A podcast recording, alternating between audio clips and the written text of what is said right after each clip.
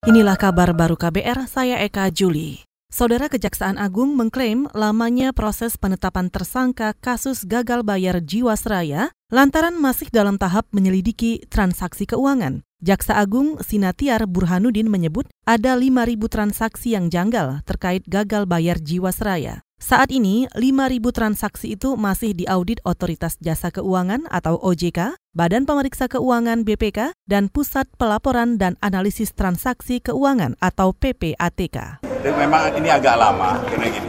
Ini kita akan membedah bahwa ini adalah transaksi-transaksi yang transaksinya itu melebihi dari 5.000 transaksi. Jadi ini tolong teman-teman, kami perlu waktu mana yang transaksi bodong, mana yang transaksi itu digoreng, mana transaksi yang benar. Kita tidak bisa melakukan satu yang gegabah yang akibatnya akan berakibat yang lain.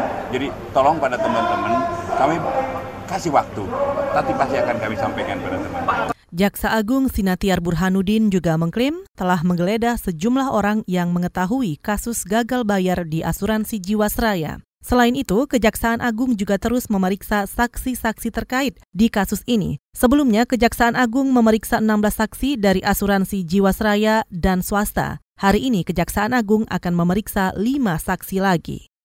Kita ke soal cuaca. Saudara Badan Pengkajian dan Penerapan Teknologi atau BPPT bersama TNI dan BNPB melakukan operasi teknologi modifikasi cuaca atau TMC guna mengantisipasi curah hujan tinggi yang diprediksi akan kembali mengguyur wilayah Jabodetabek pada 9 hingga 12 Januari 2020.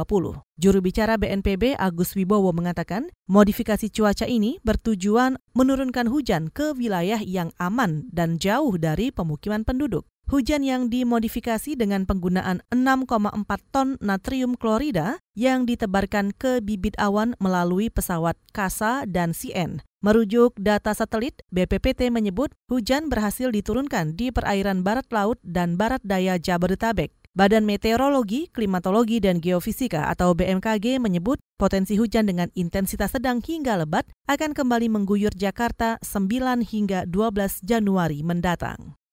Kita ke soal Papua. Mispo Guiyangje, terdakwa kasus pembunuhan 13 karyawan pekerja Jalan Trans Papua di Kabupaten Duga, Papua, disidangkan di Pengadilan Negeri Jakarta Pusat. Penasehat hukum terdakwa Misko Gujangge Emmanuel Gobay mengatakan kliennya menjalani sidang perdana Senin lalu. Hari Senin sudah sidang dakwaan, pembacaan dakwaan. Salah satu pasal yang dakwakan itu 340, pembunuhan berencana berencana ini kalau tidak salah itu 20 tahun sampai seumur hidup. Penasehat hukum terdakwa Mispo Gwi Jangge, Emmanuel Gobe juga mengakui jarak antara Papua dan Jakarta menyulitkan koalisi penegak hukum dan HAM Papua untuk hadir dalam setiap persidangan kliennya. Dan mensiasati itu, tim penasehat hukum bekerja sama dengan tim advokat Papua di Jakarta mendampingi Mispo dalam setiap kali persidangan.